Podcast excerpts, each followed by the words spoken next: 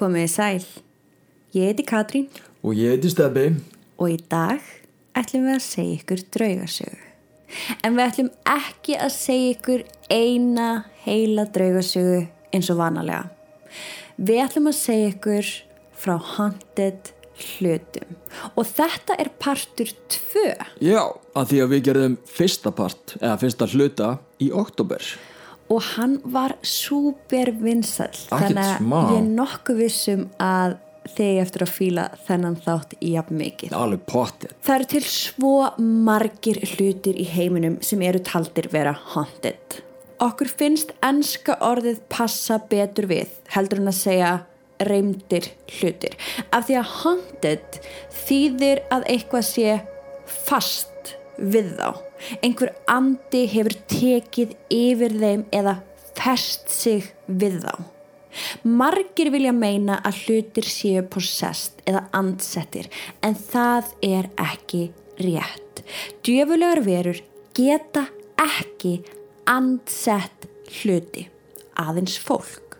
En þeir geta vissulega hengt sig á hluti og valdið skada. Eldri forngripir virðast vera viðkvamastir fyrir því að verða haunted og þetta geta verið bækur, skarkripir, fatnaður, húsgögn og ímislegt annað. Í dag ætlum við að segja ykkur frá sex hlutum og endilega kíkið á heimasíðan okkar draugasögur.com til þess að sjá myndirnar sem fylgja þættinum.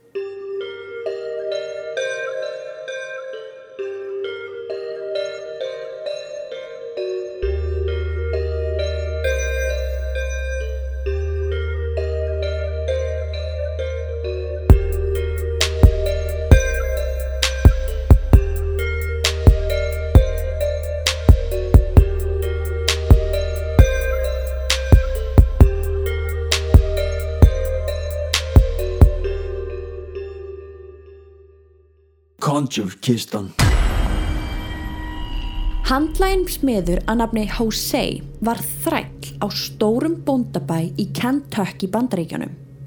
Eigandin var Jacob Cooley, ofbeldisfullur maður sem kom ekki vel fram við fjölskylduna sína og alls ekki þræla sína. Þegar konan hans varð ólétt af fyrsta barnið þeirra skipaðan Jose að búa til leikfangakistu í herbergi barnsins. Kistan var fallega búin og virkilega var vanda til verka. En Jacob Cooley var sko alls ekki ánaður með útkomuna svo hann barði þrælsinn Jose til bana. Hinnir þrælarnir voru æfir yfir þessari meðferð félaga síns svo þeir tóku sig saman og fengu aðstóð frá seiðkonu sem yfkaði sína töfratrú ekkert svo langt frá bænum. Þrælarnir og töfrakonan eru talin hafa saman lagt bölfun á kistuna og alla þá sem myndu eigana. Jafnvel þótt að Jacob Cooley hataði kistuna þá sett hann hana samt í herbergi ófæta batsinsins. Sónur hans fættist en dó fljótlega eða aðeins örfáum dögum eftir fæðingans. Setni sónur hans, sem einnig var með kistuna í herberginu sínu, var svo stungin til bana af þjóni George Cooley. Kistan var svo í eigu þriðja sonar Jacobs Cooley. Hann hitt Jóhannes og hann var sá eini sem náði fullorðins aldrei. Kona Jóhannesar var samt meðvituð um bölfunina og krafðist þess að geima kistuna læsta upp á háaloftinu. Kistan erðist niður ættir og allir sem áttana dóu annarkvort á hörmulegan hátt eða börnir að létust langt fyrir aldur fram ótímabærum dauða. Að lokum fór kistan til afkomenda kúli fjölskyldunar sem hétt Virginia Hudson sem ráðfærið sér við gamlan vin fjölskyldunar um hinn að dölaföllu kistu og þá bölfun sem á henni kvildi. Vinurinn fekk aðstóð sjálfs tillaðra töfrakonu sem hétt Annie og það var bara tilviljun einn að hún yfkaði sömu galdra trú og svo sem aðstóðiði þrælana við að leggja bölfununa á kistuna í upphafi öllum þessum árum áður. Annie sagði við Virginia að til þess að bölfuninni yrði létt af kistunni yrði hún að gera þrjá eftirfarandi hluti og við viljum vekja aðtikli á þessum sérstöku skilirðum. Virginia þurfti að verða sér út um dauða uglu úr beinaða. Hún þurfti að fylla stóran pott af laufum víðistrés og sjóða þau frá sólar uppbrás til sólar lags og svo þurfti að hella vögvanum sem eftir var í pottinum í könnu sem ætti svo að grafa undir blómaruna en tryggja ætti að kannan snýri átt að austri að morgunsólinu. Ok. Ok, já, basic. Basic. En það sem gerist er mm. að Virginia, hún deyr strax eftir að hafa farið eftir þessum tilmælum. En svo verðist vera að bölvuninni hafi kjölfarið verið aflétt og engin fleiri döðsföll hafa verið hægt að tengja við kistuna. Wow. Já, við setjum mynd af þessari kistu inn á síðana hjá okkur og kistan er núna staðsett í Kentucky History Museum. Já. Þannig að það er hægt að skoða hana. Og verðist ekki vera af aldan einum andræðum? Ekki eins og er. Símanúmer Böðulsins 0 888 888 888 Svo verðist sem hrakfarir og ólukka hafi fyllt ákveðinu símanúmeri í gegnum tíðina. Ok, þetta, þetta er svolítið öðruvísi. Þetta er öðruvísi. Fyrsti eigandi þess var Vladimir Grasknov en þá var hann forstjóri bulgarska farsímafyrirtækisins Mobtile sem gaf einmitt út númerið. Mm -hmm. En hann deyr úr krabbameini árið 2001 aðeins 48 ára aldri sem þykir kannski ekkert merkilegt okay. en þrálátar sögusagnir voru lengi uppi um að krabbamein hans hafi verið af völdum geistla virkrar eitrunar sem keppinautar Vladimirs voru ásakaðir um að hafa valdið. Wow. En hverju sem því líður var næsti eigandi símanúmersins bulgarski mafjufóringin Konstantin Dimitrov. Hann var skotið niður árið 2003 af leigumorðingja í Hollandi á leiðsynni í 500 miljón punta smyglveldið sitt. Dimitrov sem lést 31 á skamal var einmitt með farsíman upp við eirað þegar hann var drepin. Rúsneskir mafíufóringjar voru taldir bara ábyrð á morðinu. Símanúmeri fræga var síðan í eigu kaupsíslumann sem hétt líka Konstantín. Hann var líka skotið niður fyrir framann indverskan veitingastað í höfuborg Búlgaríu árið 2005 skömmu eftir að hann fjekk símanúmerið. Fastegnasalinn hans hafði vist leinilega staðið á bakvið morðið á honum í tengslum við peningaþvætti. Nú hefur símafyrirtækið Mobtile lokað fyrir númerið og þeir sem ringja í númerið fá nú einfallega þau skilaboð að númerið sé ekki tengt. Talsmaður Mobtile vildi ekki gefa skýringu á hvers vegna númerið hafi verið tekið úr umferð. Wow, þetta eru allt og marga tilvíljani samt. Ef þetta er tilvíljun þá er þetta allavega risastór tilvíljun. Emmitt. Belkort stólanir. Belkort kastalinn er höfðingjasetur sem staðsett er í Newport, Rhode Island og er þekkt fyrir mikinn reymleika en einnig fyrir að hýsa marga draugalega hluti. Kastalin var byggður af bandaríska félagshyggju og stjórnmálamanninum Oliver Belmont. Undarleg atvik átti sér stað í kastalinum nánast um leið og byggingu hans var lokið. Það sem vakti mestan óhug voru stólanir í setustofu kastalans sem virtust umkringdir öndum og ásóttu alla þá sem í þeim sátu. Þessar heimildir eru samkvæmt skýrslum frá starfsmönum Kastalans, gestum hans í gegnum árin og afkomendum eiganda sem hafa séð og upplifað hrottveikjandi atbyrði eftir að hafa setið í stólunum. Þó mörg af þeim 60 herbergjum Kastalans séu reynd eru stólanir taldir vera þeir sem fólk óttast mest. Sagt er að ef þú leggur hönd þína á stólinn þá verður hún svo ísköld að raki myndast á handabakinu og þú finnur fyrir frostbytti. wow, ok Ef þú treystir þér hins vegar til þess að reyna að setjast í stólana er gríðarlega mótstaða sem myndast sem virðist ekki leifa þér að setjast alveg í stólinn og mörg skrásett atvik segja frá fólki sem hefur bókstala verið kastað úr stólunum af óséðu afli. Stólarnir eru kallaðir saltstólarnir því á árum áður var salt oft geimt inn í stólum en það var salt verðmætur gjaldmiðill og einungis voru stólar sem þessir ætlaðir kongafólki og meðlumum konungsfjölskyldna. Kanski er það einhver konungborin sem viðheldur ennþá þeirri hefð en oft hefur líka sérst til rittara í fullum skrúða byrtast ef fólk fyrir ofur nálagt stólanum og einni skuggaverur klætt í munkaklæðum. Hvað sem er rétt Já.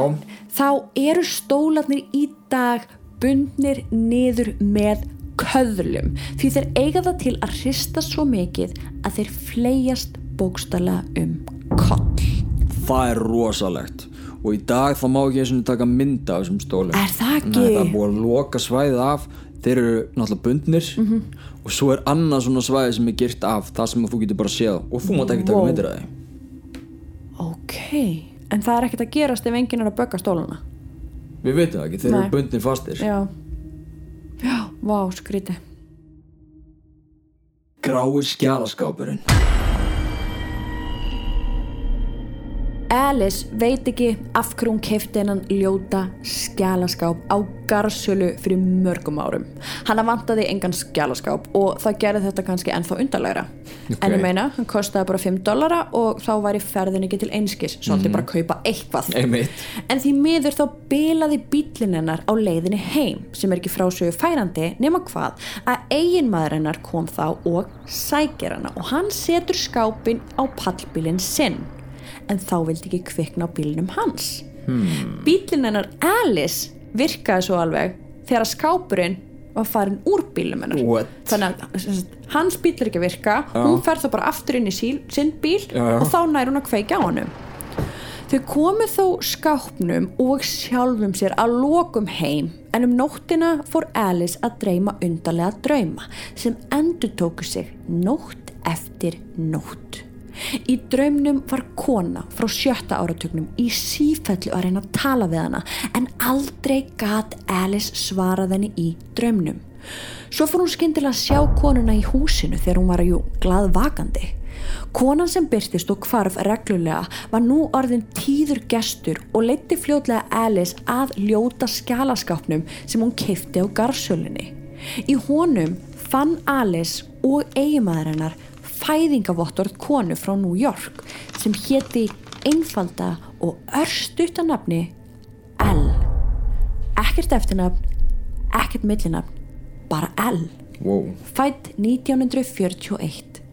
Alice fór með fæðingavottorið aftur til þeirra sem heldu garsöluna en hrættur eigandin vildi ekki taka við vottorðinu og vildi helst ekki að hún kæmi inn fyrir. Hann sagði einfallega að skápurinn hafi verið í húsinu þegar þau keiftu það og nú væri skápurinn vandamálið hennar. Ok, Alice eitti næstu dögum í að reyna að byrja kennsl á konuna sem átti vottorðið. Hún leitaði í skjálasafni á netinu og bókasöfnum en án árangus. Svepplítil og þreytt á reymleikanum í húsinu öskra hann á lokum. El, ef þú vilt að ég ger eitthvað, hjálpaðu mér þá. Hún fikk ekkert svar. En um nóttina fór reikskinnarinn í gang. Alice og eiginmaður hennar vöknuðu við lætin og flýttu sér inn í eldús þaðan sem brunalektin virtist koma. Þar sáu þau fæðingavottorið brenna í ljósum logum ofan í eldúsvaskinum. Eftir þetta sá hún konuna aldrei aftur og húsið varð aftur þeirra. Hún vil samt ekki ennþá í dag uppljóstra hvað hún gerði við skjálaskápin. wow.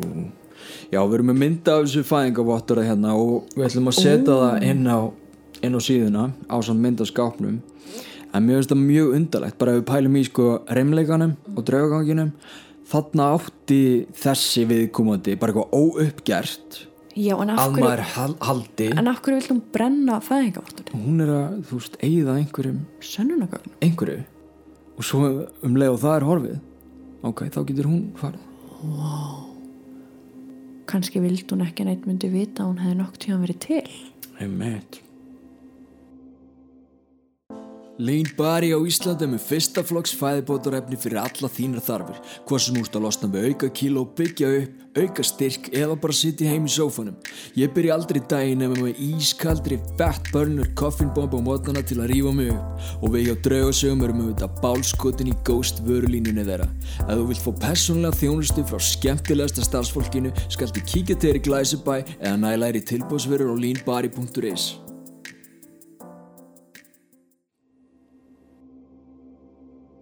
Postulínstúkan Mandy Mandy, eins og hún hefur verið köllu, var postulinstúka framleitt árið 1910. Hún er talin forngreipur svo það er sjálfgeft að finna svona dúkku frá þessum tíma í svona góðu ástandi. Já. Kona kefti Mandy dúkkuna sem þá var samt komið sprungu í andlitið sem rann niður kinn dúkkunar.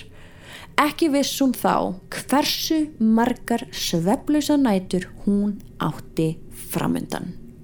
Eftir að Mandy kom á heimilið vaknaði hún á hverri nóttu við háværan barnskrát koma úr kjallaranum. Þegar hún gekk niður tröppurnar var engan að sjá nema þá að kjallarglukkin sem alltaf var lokaður var nú opinn. Hún spáði svo sem ekkert í því og lokaði bara glukkanum aftur og fór að sofa. Mér finnst það pínu skrítið. Já, maður er nú leitað að einhverjum einbarastjóðum með eitthvað Þegar þetta gerðist svo aftur og aftur á hverju einustu anskotarsnóttu var hún alveg farin að trúa því að Mandy var að valda þessum draugagangi og gaf því Quisnell safninu í Kanada dúkkuna. Ok, Var dúkkan geimd í kjallaranum? já, Já, ok. Eftir hún gerði það gat hún loksins sofið rótt. En Mandy, hún var hins vegar ekki búin. Starfsmenn Sapsins fór að taka eftir því að matnum þeirra var alltaf stólið úr ískafnum og byrtist svo algjörlega af handahófi víðsvegar í byggingunni. Sama gerist með penna, pappýra og mikilvæg skjöl og jáfnvel húsgögn. Annarkvort er einhver hrekkjalómur meðal samstarfsfélaga nú eða fjörugur draugur barns sem er að láta taka eftir sér. Það er að segja, ef þetta er nú barn.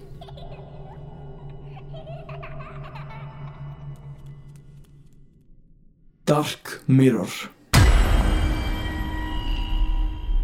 Síðan speklar voru uppgötaðir hefur fólk trúað í gegnum aldir að þeir gætu fangað sálir hinn að látnu og valdið óhefni. Sérstaklega er þekkt hjá trúin að þú brýtur speil þá fylgir því sjóra ógjafa. Einmitt Ef ekki var gætt réttilega að speklinum þá gata endað illa. En hvernig? Við skulum aðeins bara rétt fara yfir hjá trúum speklar. Já, Eins og þekktasta sem hefur einnig komið fram í nokkrum draugasögum sem við höfum sagt ykkur er svo að ef að ástvinnu deyr inn á heimili sínu þá er nöðsilegt að hylja alla spekla. Þetta er mikilvægt skref vegna þess að ef þú gerir það ekki þá gæti sál þeirra flakkaðum og lent inn í speklinum og fest þar. gott dæmi um það er til dæmis Myrtle Plantation doktorinn okkar Akkurat. Þetta var meira segja gert í kvításinu þegar Abraham Lincoln dó. Mm. Já, Já, en hann er vist ennþá ráðandarnum þannig að það hefur kannski ekki virkað hann er alltaf ekki í speklinum. Nei, Nei, Hann- ekki fastur Já, þar, ég- skilurðu. mm, En við ætlum að segja ykkur sögu af einum ákveðnum spekli sem kallast The Dark Mirror. Í júni 2015 kom kona sem við kallum Sara til Paranormal and Occult sem er svona ferðasamt sem ferðast með haunted hluti. Já. Hún held á spekli sem hún sagði að ákvíldi bölvun. Hún sagði eigandum sapsins að móðurinnar hafi keift speilin á Psychic Expoi Ó, sem þar heimsóttu árlega. En þetta var engin venjulegu speil heldur var hann kolsvartur svo það var varla hægt að sjá speilmynd sína í honum. Hugmyndin á bakveðina speil er svipuð og hugmynd um kristalkúlu. Þú veist síðan á minnstakosti á síðan á tíundu öld þá hefur galdra fólki að paranormal fólk notast við einhvers konar endurskinnskúlur vaskálar eða dögt gler til þess að sjá fram í tíman, tala við látna eða framkvæma einhvers konar aðtapnir Emmett það eru til alls konar speklar sem eru akkurat svona. Þú getur meira að segja keiftir bara á ebay Já. einn slíkan. En þessi sem Sara var með var raunverulega ógulegur Sara sagði að vikurnar eftir þetta expo hafi hún heyrt lítið í móður sinni sem var frekar óeðlilegt og loksins þegar hún náði hann í síma þá virtist mamminar heldtekinn af dauðanum og drungalegum hlutum. Að lokum viðurkendum fyrir Söru að hún var að reyna að nota speilin í paranormal tilgangi einhver svona miðilstilgangi. En sama hversu mikið hún reyndi þá var hún ekki að ná neinum árangri. Oh, Það er eins og með andaglas. Mm. Þú reynir og reynir og þú heldur að sé ekkert að gerast. Ó já, akkurat. Hún, bara seg, hún sagði það einmitt bara það, það er ekkert að gerast hjá henni. En reyndar fór hún að trúa því að það væri eitthvað mikið að þessum spekli Ok, Svona gekk þetta í einhverjar vikur og Sara fann að móðurinnar var komið þráhyggju fyrir speklinum og þessu miðilsfundum sem hún var að reyna að framkama í kringum hann. Sara ákveður því eitt kvöldi að þetta væri komið gott. Hún fer heim til móður sinnar og heimtar að fá að sjá speilin sjálf. Móðurinnar sem var ráðþróta opna skáp og dregur fram lítinn ramma sem var vafinn í svartan klút. Þegar Sara spyr móður sína af hverju hún hafi hulið speilin með þessum hætti brast hún í grát og svaraði að speilin væri hún var bara felanatnin í skáp. eru að tala um bara lítinn speil Já, hann er ekkert stór. Ok, ok Ég meina hún geymir hann þarna bara inn í Já, fataskapinu þú veist, hann er bara, þú heldur alveg á já, hann, já, sko. ok Sara gemdi speilin, vafinn í klút, tróðan í kassa og tók hann með sér heim. En þar sem hún vildi ekki eigan, þá hafði hún samband við Dönu og Greg sem áttu þetta ferðasafn og bað þau um að taka við honum. Ok, Dana og Greg, eigendur safnsins, þau eru öllu vön og þau tóku við speiklinum og hengd hann upp á safninu fyrir aðra til að skoða. Þau römmuð hann inn í íbyrðamikinn gullramma en eins og ég sagði á þann þá var hann kolsvartur og því sá maður ekki mikið þegar maður leit í hann. Nei. En fljótlega urðu þau vörfið að fólk sem horfi í speilin lengi varð rætt. Margir fóru að skjálfa og aðrir einfallega hlupu í burtu án þess að segja orð við Dönu og Greg. Wow, þú veist, þú ok. ert komin aðna, Já. þetta er bara ferðasafn og þú ert komin aðna, þú ert alveg við Dönu og Greg, þú veist, Já, það er allir að tala saman, það er allir að skoða þessa hluti, margir bara hlupu burt, bara án þess að segja, segja neitt. Nákvæmlega þetta gerðist í eitt skipti þegar eldri kona leiti speilin. Hún horfði lengi í hann og þau hjónin tóku eftir því að hún var orðið náföl í andlutinu og var greinilega hrætt, henni leið greinilega mjög illa. Ok. Þegar þau spurði hana hvað hún hafði séð í speiklinum, sagðist hún hafa séð sjálfan sig, en ekki lifandi, heldur lík sitt stara á hana tilbaka. Aðrir sögðust sjá hávaksið fólk standa fyrir aftan sig þegar þau horfði í speilin og enn aðrir urðu líkamlega veikir, fengu í magan, svima og höfuverk og tökum það aftur fram þe þeir, þau eru að ferðast út um allt. Með þetta? Já, en þ það var alltaf þetta sem kom upp.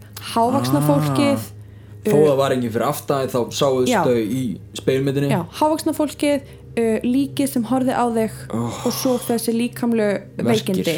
Og þú veist, það er alveg ómögulegt að í rauninni fólk hafi vitað Nei, hjá hvort öðru, Já. Þú veist, þetta var allt fólk sem þekktist ekki. Var bara Dana og Greg sem að já, Já. akkurat. Þau hjónin, þau trúa sjálfsögðu á svona hluti og þau vildi ekki að fólk færi sér að voða. Svo en tíma þó tók þau speilin niður. En þarna höfðu margir heyrt af honum og vildu fá að skoða hann þá tóku þau upp á því að setja viðvörun fyrir ofan speilin svo fólk geti sjálft ekki ákverðun hvort það vildi raunverulega taka áhættuna og horfi speilin Ok, það hljóma svolítið svona ameríst Akkurat. En á endanum þá tókuðu hann með sér heim. En það var svo sem ekkert óeðlilegt er að var ferðasafn og á Já. svona off-season þá geimduðu flesta hlutina bara í geimslu en það var eitthvað inn í þeim sem sagði þeim að taka speilin heim til sín. Ok, Greg fór þó að taka eftir því að hann var byrjar að eyða miklum tíma sjálfur að stara í speilin nei. Og hann segir að þetta hafi gerst alveg án þess að hann gerði sig grein fyrir því, hann lýsir því að hægt og rólega hafa hann byrjað að finna fyrir sterkri löngun að horfa á þetta svarta gler. Það var eitthvað sem að dróa hann á honum. Já, svolítið eins og þráhyggjan hjá mömmunni fyrst. Ah, hann viðurkenni samt fúslega að kannski var þetta bara einhver vittlis í honum okay. hann vissi að speilin var ekki venjulegur Já. og kannski var hann bara forvitin. En hann lýsir þessu samt meira bara eins og fík, bara eitthvað sem hann varð að gera daglega, sama hvað hann reyndi að hunsa það ok Þú veist, og hann bara já. reyndi, bara hvena sem er hvena sem hann fekk tækifæri til, þá fer hann og hann horfir í hann á speil og guðum að vita hversu lengi. Ok, það er mjög undarlega hegðun en ok, Hann ákveður þá að hylja speilin nákvæmlega eins og mamman gerði Ah. með svörtum klút bara alveg eins og hann hefði tek tekið við honum. Já. En hann vildi ganga skrefinu lengra. Hann var vissum að það var eitthvað inn í speiklinum svo hann setti myndavíl inn í stofuna og myndaði speilin nótt eftir nótt í sjö nætur samfleitt og maður okkar skapið sko Algjörlega. Hann segir að í þrjú skipti af sjö hafi klúturinn farið af speklinum og verið á gólfinu þegar hann kom morgunin eftir. Úst, hann Ó, sá ok. ekki klúturinn fara af Nei. en bara klúturinn var á gólfinu daginn eftir og í rauninni var ekkert sem hefði geta tekið hann af nei. ok, En þegar hann ætlaði síðan að skoða upptökuna já, þá vildi hún ekki opnast og sama hvaðan reyndi. Þú veist það var greinilegt að hann hafði tekið upp eitthvað já. en kortið og myndavelinni bara neitaði að spilast. Og svo dæmi gert bara paranormal upp og koma. Að svo mikið og, og þú veist hann útskýrði, þú veist, ég fór út um allt þú veist, ég reyndi að láta laga þetta kort ég reyndi Já. að gera hitt og alls konar tæknumál sem ég ekki alveg skildi en hann reyndi að gera allt sem hann gatt og það var bara ekki hægt. Nei, aldrei í þessu sjö nætur var þetta ekki hægt. Vá, sko baksaga speilsins hún er ekki alveg þekkt. Ok. Þú veist, mögulega hefur hann verið notaður í einhverjum svörtum tilgangi. Já það hljóma svolítið svo leiðis lokkaði neikvæða orku inn í hann. -hmm. eða jáfnvel opnaði einhvers konar gátt. Já, veist, það getur líka verið, það veit enginn. En sem komið er þá er það ráðgáta hvers vegna þessi speil varð svona vondur? Margir draugarspeglar eru til. Sömu láta þið sjá hluti sem er ekki til staðar en það eru ekki margir sem láta þig sjá þitt eigið lík eins og þessi gerir. Og eins og ferðasamt paranormal og kolt sem að eiga speili núna þeir segja á vefsíðinu sinni mundu bara þegar þú horfir í hildjúpið horfir hildjúpið tilbaka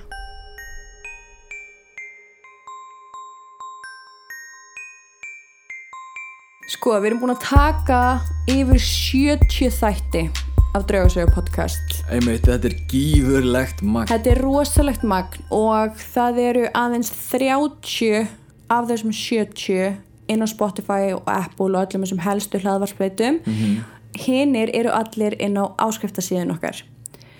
Uh, við erum með þrjá íslenska þætti eins og er. Við erum með kvítunarskála, og erum sönnunagögnum þeim sönnunagögn og þeim, við erum með hérna Suðugötu 2 og við erum með höfða. Þetta eru allt staðir sem við höfum farið á. og rannsakað og náð sönnunagögnum og þau eru þarna svolítið skýr inn á patreon.com skástrygg draugasögur Já, sko ástæðan fyrir því að við veljum íslenska þætti vel. Er svo að við viljum fara á staðin sjálf og rannsaka.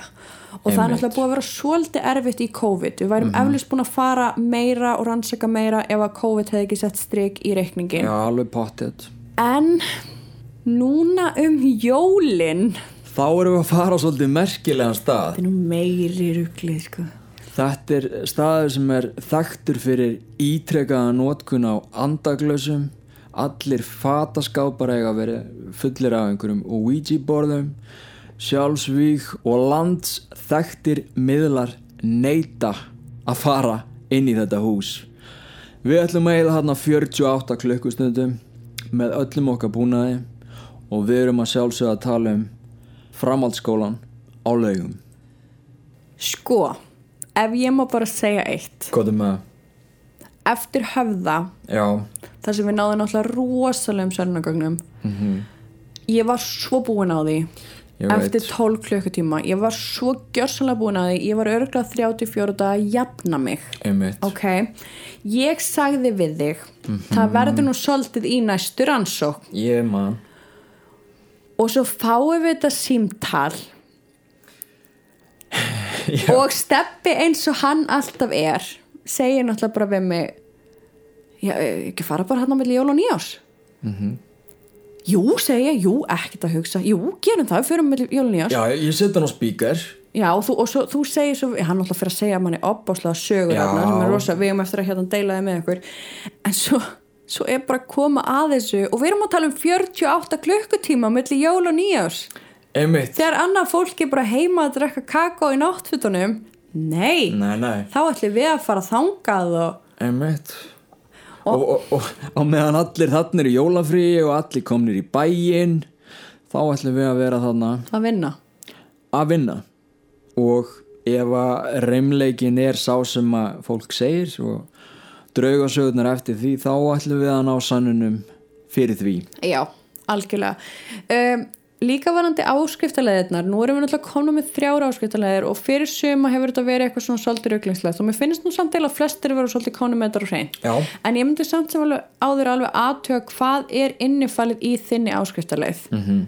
uh, eins og til dæmis eins og fyrsta áskriftalegin þá gefum við bara eitt þátt aukalega ofan á þá sem að eru almennir þættir. Akkurat og líka varandi þú veist sönnunagögnin, hvar við setjum sönnunagögnin inn, þú veist hverju fá að koma með okkur alla leið. Já. við verðum mjög líklega hérna í rauntíma að setja inn um, ef netsambandi er gott þarna þá verðum Já. við í rauntíma að setja inn sönnunagögn þannig að þið í rauninni eruð í alvörunni að fara að koma með okkur. Þeir eru með okkur í rannsókninu í 48 klukkstundir við verðum eitthvað á Instagram samt ekki of mikið. Þannig að hérna skoði í hvað áskiptileg þið eruð. Þú veist það er alltaf hægt að breyta og bæta og þú, það er ekkert mál að, að breyta áskiptileg hvenær sem þú vilt.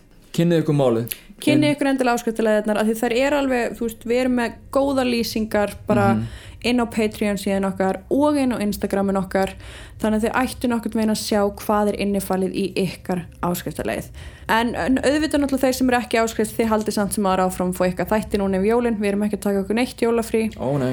Alls ekki. En þetta verður gaman, þetta verður eitthvað um, ertu stressaður?